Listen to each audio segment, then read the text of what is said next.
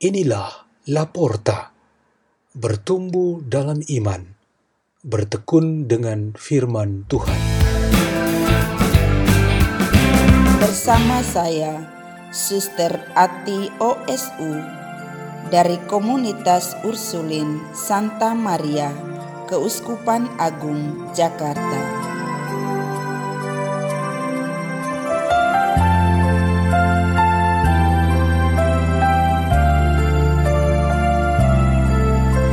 Bacaan dan Renungan Sabda Tuhan Hari Senin Pekan Biasa Ketiga 25 Januari 2021 Pesta Bertobatnya Santo Paulus.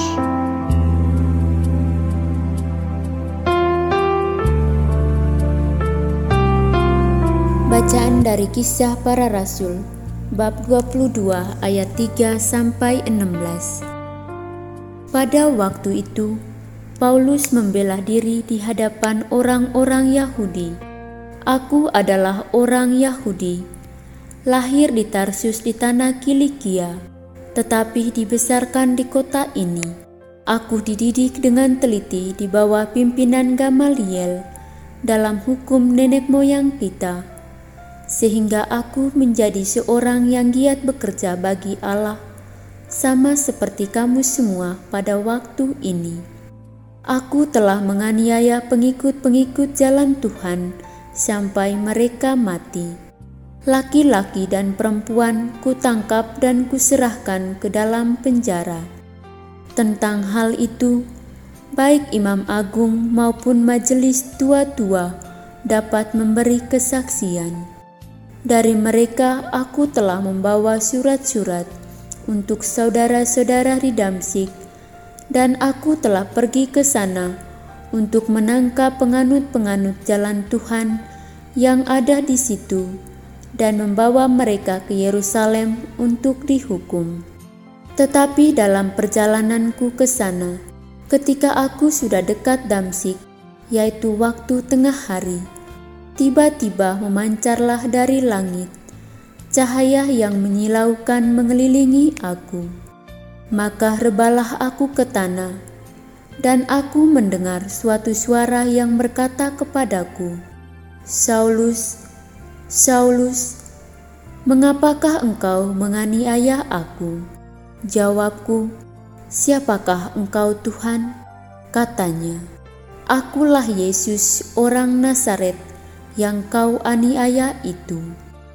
Mereka yang menyertai aku memang melihat cahaya itu, tetapi suara Dia yang berkata kepadaku tidak mereka dengar. Maka kataku, "Tuhan, apakah yang harus kuperbuat?" Kata Tuhan kepadaku, "Bangkitlah dan pergilah ke Damsik. Di sana akan diberitahukan kepadamu segala sesuatu yang ditugaskan kepadamu." Sebab aku tidak dapat melihat oleh karena cahaya yang menyilaukan mata itu. Maka kawan-kawan seperjalananku memegang tanganku dan menuntun aku ke Damsik. Di situ ada seorang bernama Ananias, seorang saleh yang hidup menurut hukum Taurat dan terkenal baik di antara semua orang Yahudi yang ada di situ. Ia datang berdiri di dekatku dan berkata, Saulus saudaraku, bukalah matamu dan melihatlah. Dan seketika itu juga aku melihat kembali dan menatap dia. Lalu katanya, Allah nenek moyang kita telah menetapkan engkau untuk mengetahui kehendaknya, untuk melihat yang benar, dan untuk mendengar suara yang keluar dari mulutnya, sebab engkau harus menjadi saksinya terhadap semua orang tentang apa yang kau lihat dan kau dengar. Sekarang, mengapa engkau masih ragu-ragu? Bangunlah, berilah dirimu dibaptis, dan berserulah kepada nama Tuhan, maka dosa-dosamu dihapuskan. Demikianlah sabda Tuhan.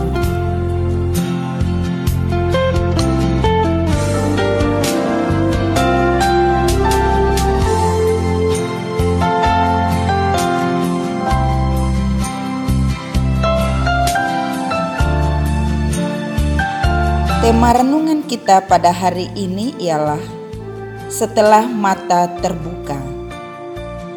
Kita dapat menjelaskan tema ini dalam dua sudut pandang. Dari sudut pandang fisik atau jasmani, ini menunjukkan mata yang terbuka untuk dapat melihat di sekitarnya. Sudut pandang yang lain ialah rohani yang dapat memperlihatkan kemampuan mental rohani. Penglihatan rohani tentu saja melampaui mata jasmani yang terjadi melalui terang ilahi. Pada pesta pertobatan Santo Paulus hari ini, kita menyaksikan dua kemampuan melihat yang dilakukan Paulus. Dua sudut pandang melihat ini sangat jelas berbeda namun, dalam banyak hal, mereka harus saling memerlukan dan mendukung. Kita ingin merenungkan bagaimana keduanya saling memerlukan. Kita mau supaya indera mata kita tetap sehat dan berfungsi baik dalam melihat.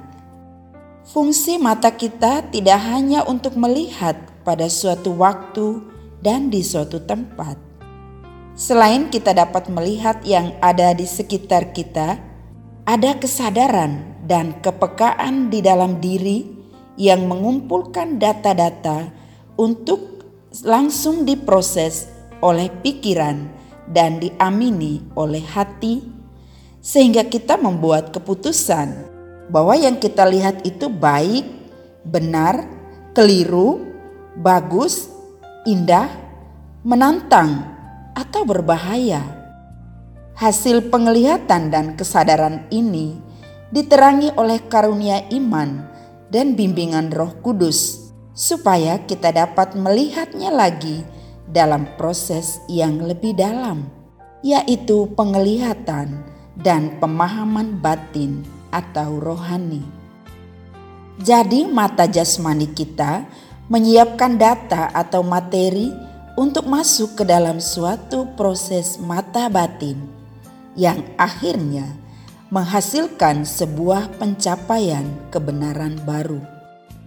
Coba dibayangkan jika mata jasmani ini tidak sampai pada tahapnya untuk menentukan sesuatu yang baik, misalnya memilih panggilan hidup, maka proses rohaninya juga tak tercapai. Demikian juga sebaliknya, penglihatan dan pemahaman rohani sangat memerlukan kemampuan mata jasmani, sehingga kebaikan dan kebenaran iman itu dapat dipraktekkan. Keyakinan bahwa belas kasih, persaudaraan, dan bermurah hati merupakan perintah Tuhan yang sangat mulia Bagaimana bisa dihayati dengan benar dan adil jika mata tubuh kita tidak terbuka kepada orang yang bersalah untuk diampuni, orang sakit untuk diberi penghiburan, atau orang putus asa untuk diberi pengharapan?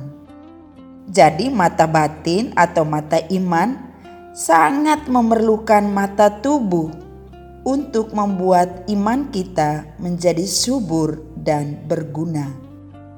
Kedua fungsi mata kita memang saling membantu.